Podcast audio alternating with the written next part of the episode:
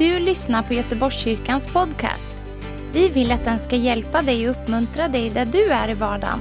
Vill du veta mer om oss så gå in på www.goteborgskyrkan.se.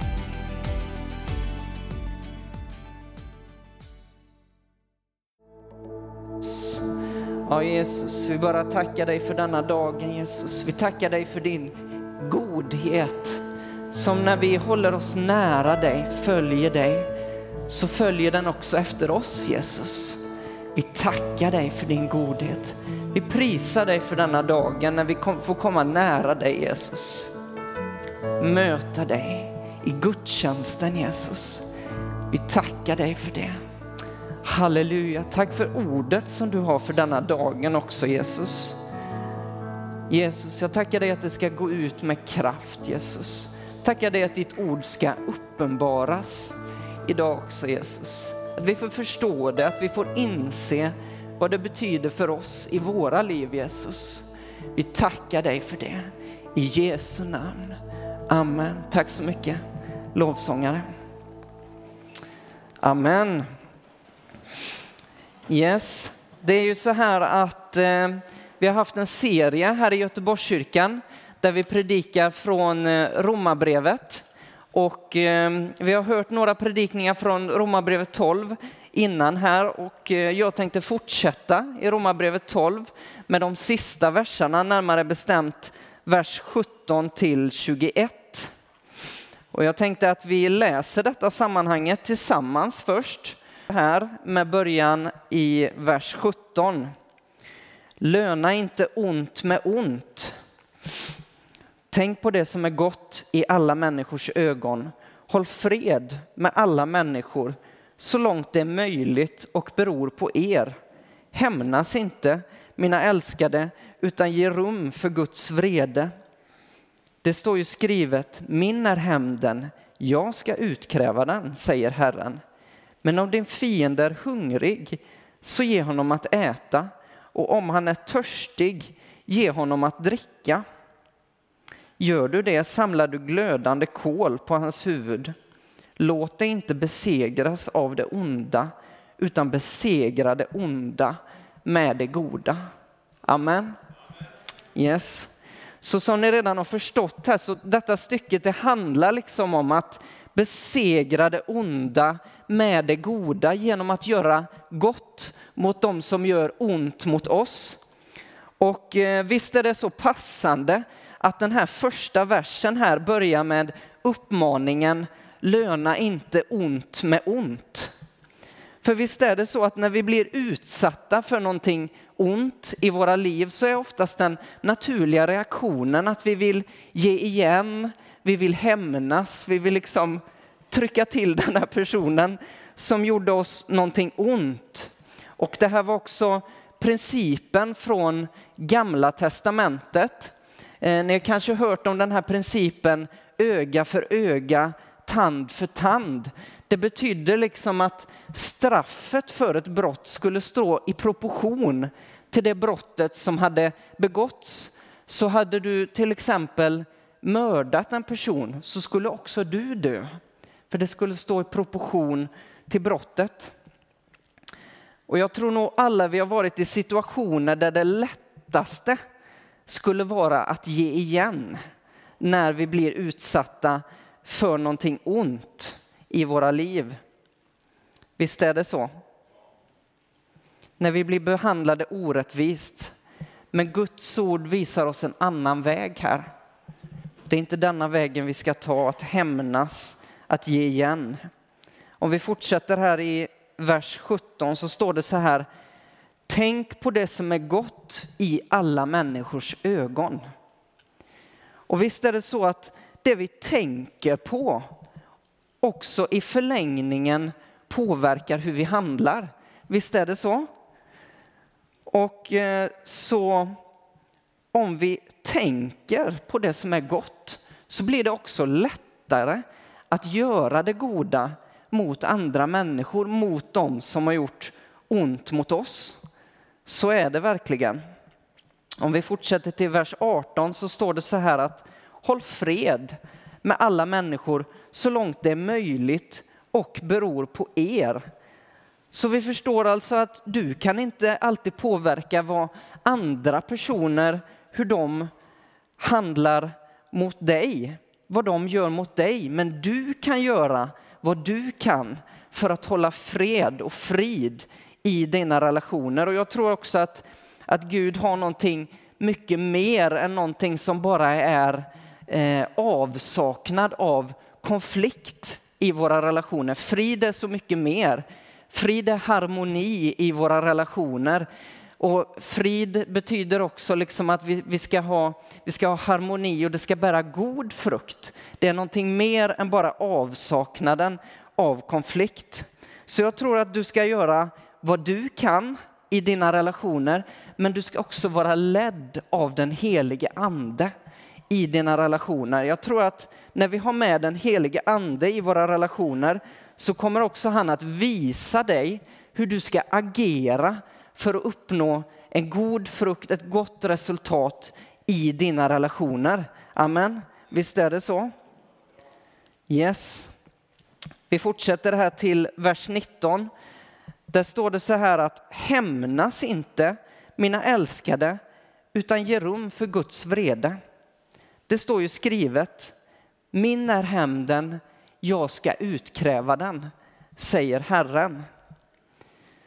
Så när vi blir utsatta för onda handlingar så tror jag ofta att vi behöver också lära oss att lämna över domen, att lämna över vedergällningen till Gud som dömer rättvist.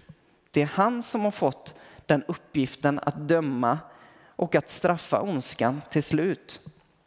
Och även fast vi blir behandlade felaktigt, orättvist, utsatta för onda saker så har vi inte fått rätten att straffa andra människor. Det är liksom inte våran roll, det är inte våran uppgift att göra det. Vi måste lämna över det till Gud. Och jag vet hur du tänker här att ibland så kan det verka som att det onda går ostraffat förbi. Visst kan det vara så? Att liksom det är någon person som gör någonting felaktigt, någonting ont och så tänker vi, ja oh, men Gud, ser du inte det onda som, som begås? Ser du inte det den här personen gör? Varför gör du ingenting? Varför griper du inte in? Men jag vill bara säga till dig idag att det kommer en dag då Gud kommer att straffa ondskan en gång för alla. Det kan vi läsa bland annat om i Uppenbarelseboken kapitel 20. Så när du och jag lämnar över domen, lämnar över vedergällningen till Gud, då kan vi vara trygga med att Gud kommer att döma och Gud kommer att straffa ondskan en gång för alla i den här världen till slut. Det är en sanning, det kommer ske. Men då kan man undra, okej, okay, vårt ansvar är inte att hämnas. Vårt ansvar är inte att döma andra människor. Vad är då vårt ansvar? Vad ska vi göra när någon annan gör ont mot oss? Jo, vårt ansvar är att göra gott. Vårt ansvar är att förlåta de som har gjort fel mot oss. Vi kan läsa om detta i Kolosserbrevet kapitel 3, vers 13. Och där står det så här att ha överseende med varandra och förlåt varandra om ni har något att anklaga någon för. Så som Herren har förlåtit er ska ni förlåta varandra. Ett väldigt tydligt exempel i Bibeln på att vi ska förlåta dem som har gjort ont mot oss. Och jag skulle också vilja dela ett vittnesbörd kopplat till detta med förlåtelse. För det var så här att när jag var mindre och när jag gick i grundskolan så gick jag på en eh, skola där det var väldigt få kristna. Ehm, och eh, jag stack ut lite bland eleverna eftersom jag stod upp för min kristna tro. Och det var också så att jag hade en pappa som var pastor och det stack väl ut och var lite speciellt också kan jag tänka. Och detta gjorde att jag blev trakasserad och jag blev mobbad för min kristna tro i grundskolan. Och eh, det var oftast verbala påhopp där de talade nedsättande om, om mig och min tro och så vidare och tryckte ner mig och jag kände aldrig under den här tiden att jag var en del av gruppen. Jag kände aldrig det. Och kanske du sitter här idag som också blivit trakasserad eller varit med om någonting liknande i ditt liv. Kanske du också har varit med om någonting sånt här. Och i så fall så skulle jag bara vilja säga till dig att det finns helande för dig. Gud vill hela dig från de här såren som kan ha uppstått när detta hände. Men när man blir utsatt för sådana här saker som kristen så har vi också ett val i våra hjärtan. Det är så här att du kan välja att vilja hämnas, att alltid hata den eller de personerna som gjorde fel mot dig. Eller så kan du välja att förlåta personerna som har gjort dig illa. Det är de två valen som du har. Det är så här att om du väljer att hämnas så kommer du alltid att förbli, du kommer alltid att vara ett offer. Du kanske känner dig som ett offer, det som hände. Du kommer alltid att vara ett offer, du kommer aldrig att bli riktigt fri från det som hände dig. Du kommer aldrig att segra genom att göra det onda mot dem som har gjort ont mot dig. Du kanske säger det att om Jonathan, det är liksom inte möjligt för mig att förlåta för du vet inte vad de här personerna sa, du vet inte hur de här personerna agerade mot mig. Jonathan, du vet inte min situation och nej, jag kanske inte vet din situation. Men jag vill ändå säga att det är ett val att förlåta. Du har ett val i detta läget. Det står så här i Romarbrevet kapitel 12, vers 2, lite tidigare i detta kapitlet. Och anpassa er inte efter den här världen, utan låt er förvandlas genom förnyelsen av ert sinne så att ni kan pröva vad som är Guds vilja, det som är gott och fullkomligt och behagar honom. Så vi är liksom inte kallade att göra saker på den här världens vis. Vi är inte kallade att hämnas. Vi är inte kallade att göra som, som eh, människor i den här världen som inte har mött Jesus. Utan vi ser istället här att vi har fått i Kristus så har vi fått ett nytt sinne från Gud. Vi har fått nya tankar, ett nytt sinne och det är liksom som att i det här nya sinnet så får vi liksom öppnade ögon för hur vi, vad, vad Guds plan och vad Guds vilja är i våran situation, i vårat liv. Och också i sådana här situationer så får vi öppnade ögon för vad är det Gud vill? Vad är det Guds plan? Vad vill, hur vill han att jag ska hantera, ta itu med detta? Så vad är då Guds vilja? Vad är Guds vilja? Om vi har fått ett nytt sinne, öppnade ögon för det han vill. Vad är hans vilja? Guds vilja är att välja att förlåta personerna som har gjort oss illa. Och jag valde att förlåta de här personerna efter högstadiet och efter jag hade gått ut så bestämde jag mig att jag ska förlåta de här personerna. Jag gjorde ett val, även fast det fanns kanske fortfarande sår kvar i mitt liv och så här, så valde jag att jag vill förlåta. Jag tar det här beslutet. Amen. Och därefter så har jag kunnat möta de här personer, personerna och eh, flera av dem och jag har kunnat välsigna dem i mitt hjärta. Jag har kunnat önska dem gott istället för att vilja förbanna dem, önska ont. Så har jag kunnat välsigna dem i mitt hjärta och det, det önskar jag att du ska kunna göra också. Du kanske sitter här och du är sårad, du är skadad i din själ efter det du har gått igenom. Jag vill bara uppmuntra dig, säga till dig idag att då finns det helande för din inre människa. Amen. Men även fast du fortfarande är sårad från det som har hänt i dina känslor så kan du välja att förlåta de här personerna. Amen. Och när du väljer att förlåta, det här är någonting fantastiskt. Ta med dig detta härifrån. När du väljer att förlåta, när du väljer att önska dina fiender gott istället för att vilja hämnas, eh, önska dem ont, så händer någonting fantastiskt i ditt hjärta och i ditt liv. Du övergår liksom från att vara ett offer till att triumfera som segrare över det onda. Visst är det fantastiskt att vi kan segra över det onda genom att göra det goda, genom att förlåta, genom att bemöta våra fiender på detta sättet. Du går liksom från att vara likadan som dina förövare till att vara en övervinnare som kan gå välsignad vidare i ditt liv, i Guds planer för ditt liv. Visst är det fantastiskt? Amen. Yes, låt dig inte besegras av det onda, utan besegra det onda med det goda. Romarbrevet 12, vers 21. Det kanske är så här att du, du jobbar på en arbetsplats där folk talar bakom ryggen på varandra, talar negativt om varandra när man inte hör, kanske.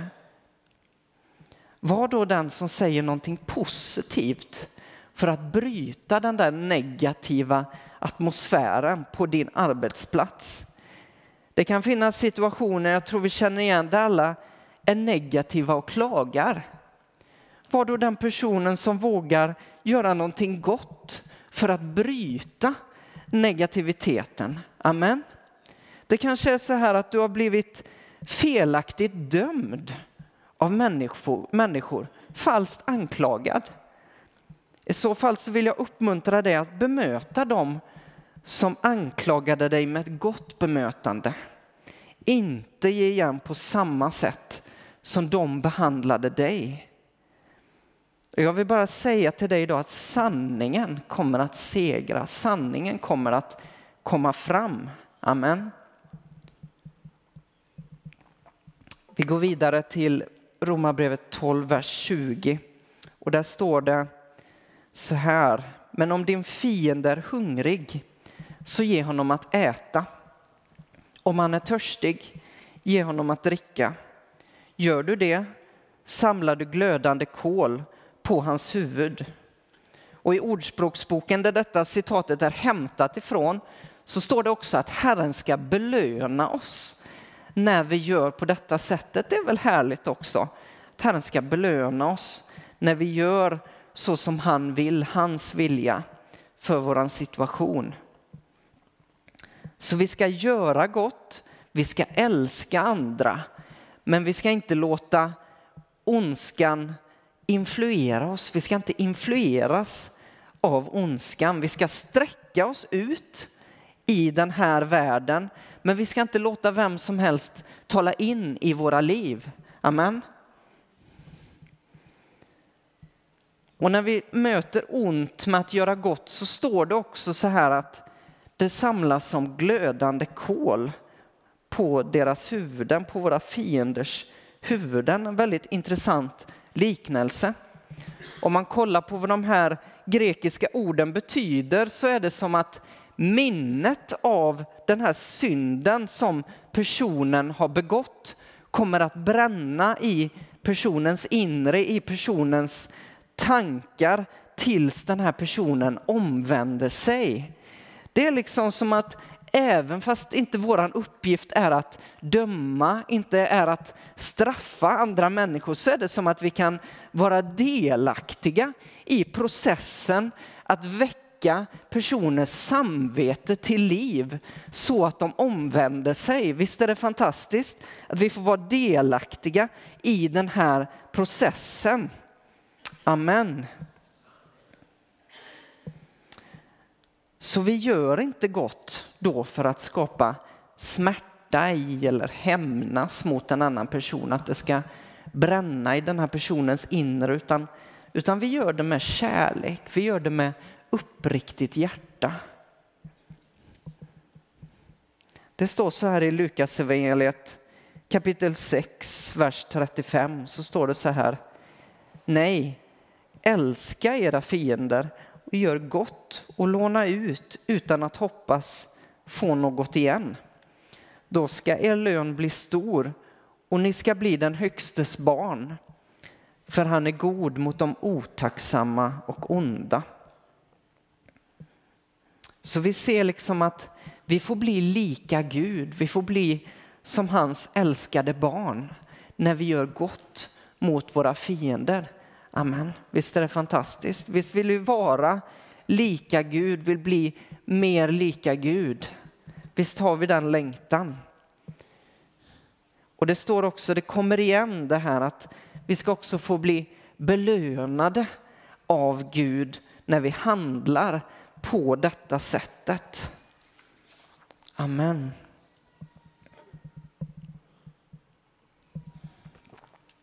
Och Bibeln säger också så här att vi ska vara salt och ljus i den här världen. Det står så här i Matteusevangeliet kapitel 5, vers 14. Ni är världens ljus. En stad som ligger på ett berg kan inte döljas.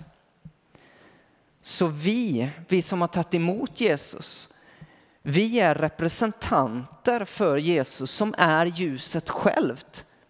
Han är ljuset självt och vi får vara hans representanter, representanter för ljuset i den här världen. Vi är också kallade att vara salt. Ett salt som är salt, inte ett salt som är liksom ljummet och avsaltat, utan ett salt som står för sanningen i den här världen, säger Bibeln. Och jag skulle vilja avsluta här med att dela en berättelse från Bibeln på det här temat. Och ni lovsångare kan göra er redo att komma upp.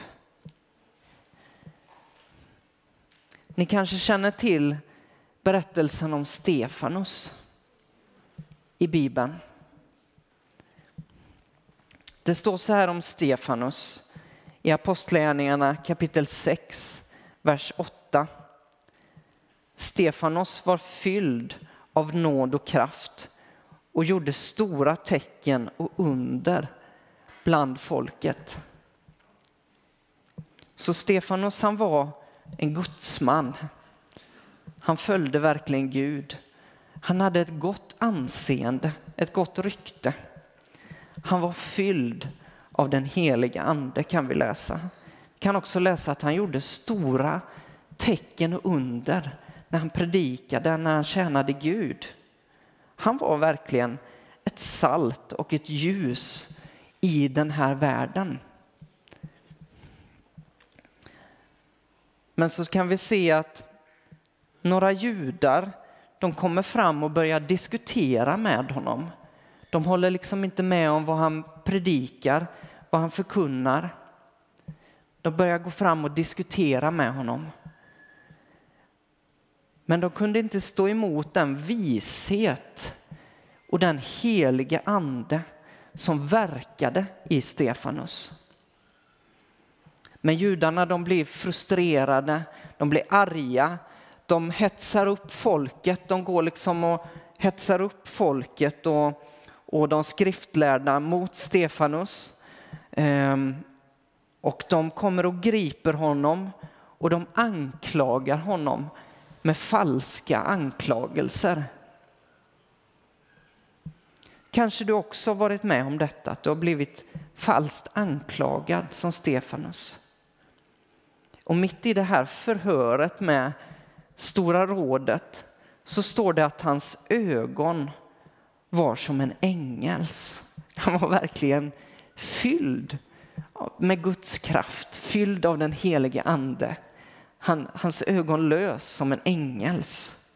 Han var en gudsman, verkligen.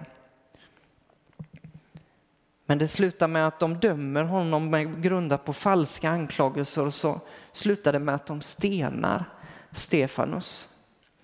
Vi kan läsa om detta i Apostlagärningarna kapitel 7, vers 59 till 60. Så stenade de Stefanus medan han bad och sade Herre Jesus, ta emot min ande. Sedan föll han på knä och ropade med hög röst. Herre, ställ dem inte till svars för denna synd. Med de orden somnade han in. Och Saulus hade samtyckt till att han dödades. Så när vi är salt och ljus på våran skola, på våran arbetsplats, när vi väljer att förlåta och att göra gott istället för att hämnas, då är du och jag som Stefanus. Amen. Och historien som vi ser den, det slutar med att Stefanus han stenas till döds. Men på ett sätt så slutar historien inte riktigt där. Vi vet att det var Saulus som samtyckte till att man dödade Stefanus. Han såg på när de liksom började kasta stenarna på Stefanus där. När han satt där, Stefanus, och de kastade stenarna på honom. Vi vet att Saulus får sedan möta Jesus på ett väldigt starkt sätt i ett ljussken som, som bländar honom. Så kommer Jesus och så möter han Saulus, denna förföljare av de kristna, av den kristna tron, av Jesus själv. Så kommer Jesus där bryter in, möter honom. Saulus, han blir sedan Paulus som vi känner som den stora aposteln som, som förde hedningarna, som är oss som sitter här. Han förde oss hedningar till tro. Evangeliet spreds genom att han predikade. Så det goda vi gör mot våra fiender det kan ha så mycket större effekter än vad vi ser idag. Amen. När du bemöter det onda som människor har gjort mot dig. Det är någonting som kommer finnas kvar i deras sinne. När du gör gott mot dem som har gjort ont mot dig så kommer det påverka dem. Och jag tror att det kan ge en frukt längre fram i deras liv vi såg hur det blev för Paulus. Han var en förföljare av den kristna tron. Jag tror det gjorde ett intryck på, på Saulus när han stod där och Stefanus stenades. Han kom sedan till tro, Saulus. Många blev frälsta. Stor impact, stor effekt, verkligen. Så jag tycker vi ber tillsammans över detta. Jesus, vi tackar dig idag för ditt ord Jesus. Tackar dig om den här texten Jesus, att besegra det onda genom att göra det goda Jesus. Jesus, du ser att det kan finnas personer här som sitter som har blivit sårade. Jesus, de kanske har blivit trakasserade. På annat sätt behandlat orättvist Jesus.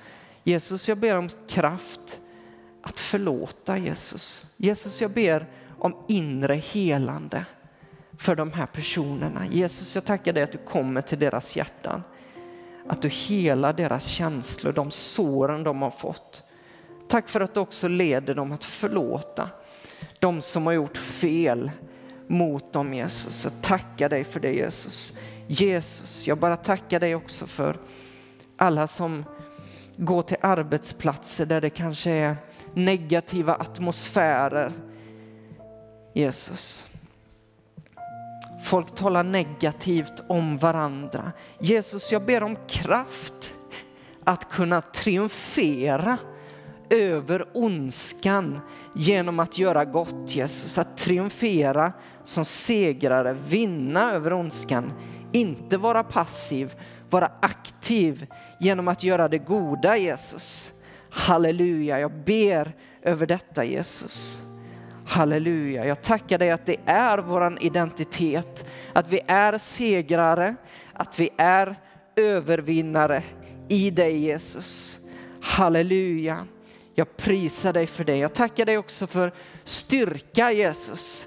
Att kunna vara ett ljus, att kunna vara ett salt Jesus i den här världen Jesus. Halleluja, där vi går fram på våra arbetsplatser Jesus, på våran skola, där vi verkar, där vi är i vardagen Jesus. Ljus och salt har du kallat oss till Jesus. I Jesu namn. Vi prisar dig för detta Jesus. Vi tar emot detta ordet i våra hjärtan idag Jesus. Amen.